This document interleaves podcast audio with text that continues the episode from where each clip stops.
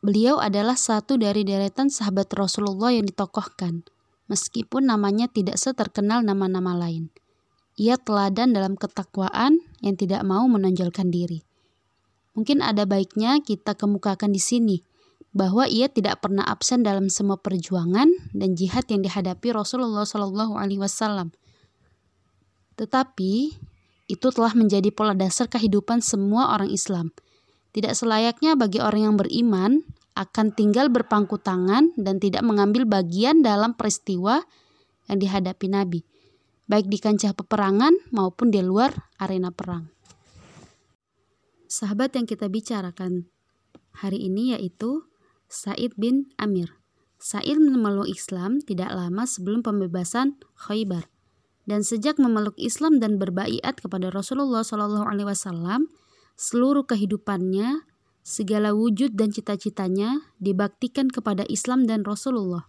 Ketaatan, kezuhudan, kesalihan, keluhuran, ketinggian, dan semua sifat baik ada pada manusia suci dan baik ini. Dialah saudara tua kita. Ketika mata kita tertuju kepada Said di tengah keramaian, kita tidak akan mendapati sesuatu yang menarik mata kita hanya akan mendapati seorang prajurit lusuh dengan rambut tidak terurus. Pakaian dan penampilannya tidak beda dengan orang-orang miskin lainnya. Jika ini yang kita jadikan pedoman, tentu kita tidak akan mendapati sesuatu kebesaran laki-laki ini yang lebih sejati dibandingkan hanya berupa penampilan luar dan kemewahan. Ia jauh tersembunyi di sana, di balik kesederhanaan dan kesahajaannya. Apakah kalian tahu mutiara yang terpendam di perut kerang? Nah, keadaannya mirip seperti itu. Ketika Khalifah Umar bin Khattab memecat Muawiyah dari jabatannya sebagai gubernur wilayah Syam, ia mencari-cari penggantinya.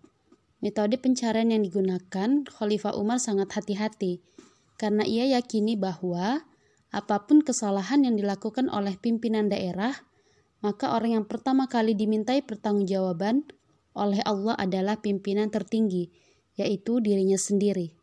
Setelah itu, pimpinan daerah, standar penilaian pun dibuat sesempurna dan secermat mungkin.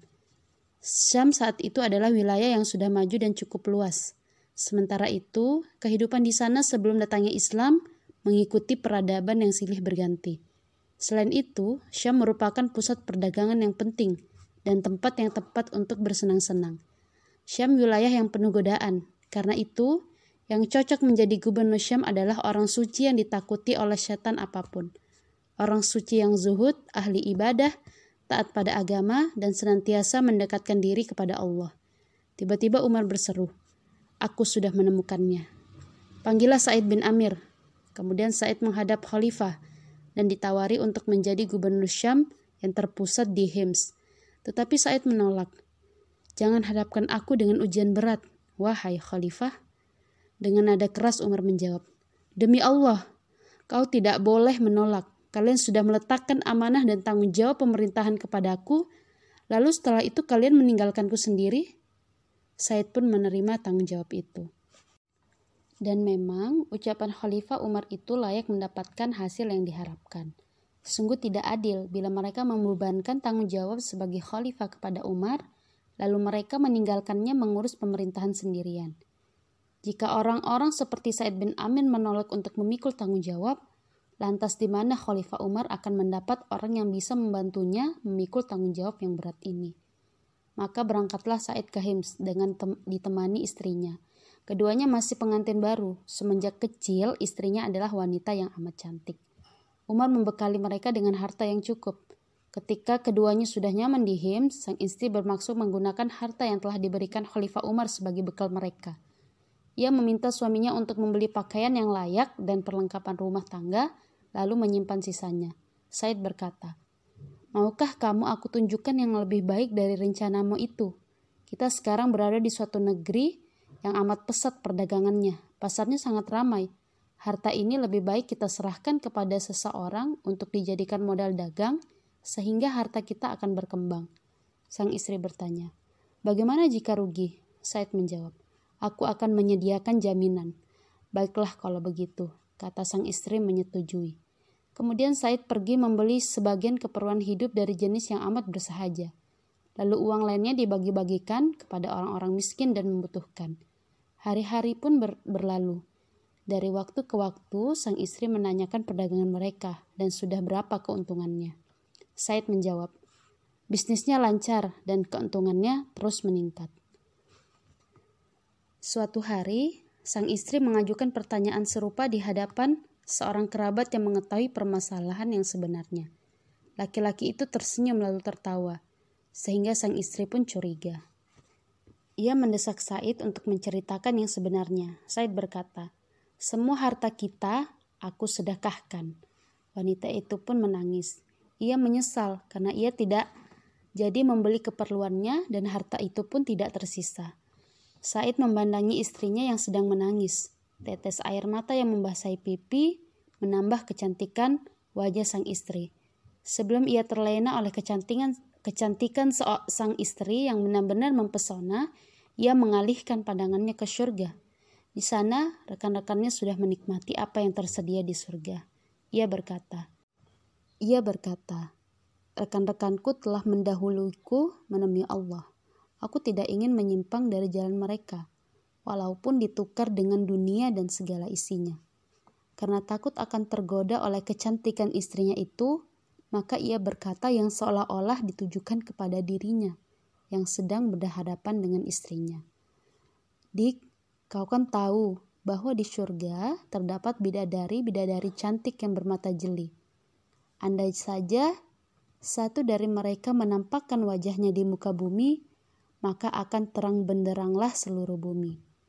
Cahayanya mengalahkan sinar matahari dan bulan, mengorbankan dirimu demi untuk mendapatkan mereka.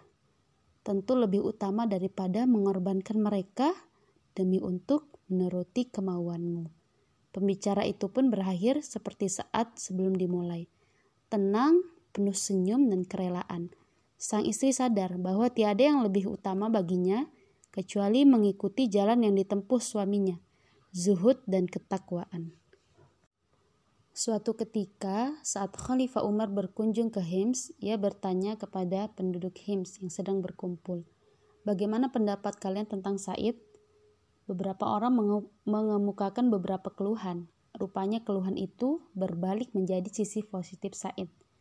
Ada sisi keagungan yang terungkap sungguh ajaib. Khalifah Umar meminta agar mereka mengemukakan keluhan mereka satu demi satu maka atas nama kelompok tersebut seorang laki-laki tampil bicara. Kami mengeluhkan empat perkara. Pertama, ia baru keluar menemui rakyatnya setelah hari sudah siang. Kedua, ia tidak melayani seorang pun di malam hari. Ketiga, setiap bulan ada dua hari di mana ia tidak melayani rakyatnya.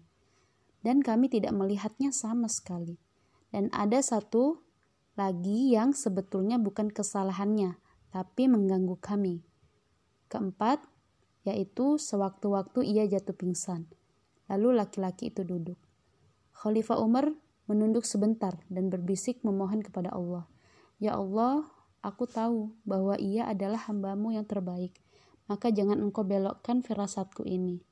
Lalu Said dipersilahkan untuk membela dirinya. Ia berkata, mengenai keluhan mereka bahwa aku tidak keluar menemui mereka kecuali hari sudah siang. Demi Allah, sebetulnya aku tidak ingin menyebutkannya. Kami tidak punya pembantu, maka akulah yang membuat roti dari mengaduk tepung hingga roti itu siap dimakan. Setelah itu aku berwudu dan sholat duha. Setelah itu aku keluar menemui mereka. Wajah Umar berseri-seri dan ia mengucapkan, Alhamdulillah. Lalu yang kedua, Said melanjutkan pembicaraannya. Adapun keluhan mereka bahwa aku tidak melayani mereka di malam hari, maka demi Allah aku membenci menyebutkannya.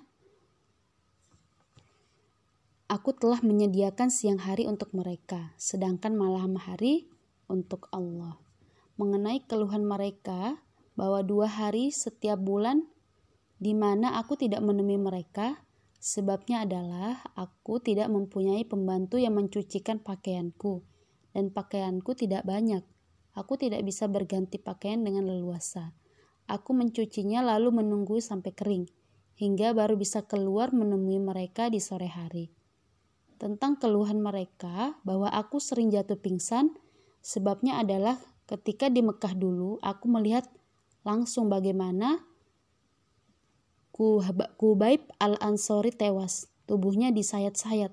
Orang-orang kafir Quraisy itu bertanya, Maukah engkau jika Muhammad menggantikanmu dan kamu bebas? Kubaib menjawab, Demi Allah, aku tidak ingin berada di rumah bersama anak dan istriku menikmati kesehatan dan kelezatan hidup sementara Rasulullah terkena musibah, walau hanya tertusuk duri. Saat itu aku masih kafir. Aku menyaksikan dengan mata kepala dan aku tidak bergerak sedikit pun untuk menolong Kubat. Karena itu, aku sangat takut akan siksa Allah kelak hingga aku jatuh pingsan. Khalifah Umar tidak bisa menahan rasa harunya. Ia berseru dengan gembira. Alhamdulillah, firasatku tidak melesat. Lalu ia merangkul Said dan mencium keningnya yang bercahaya. Petunjuk macam apakah yang telah diperoleh manusia seperti ini? Guru besar jenis siapakah Rasulullah Shallallahu Alaihi Wasallam itu?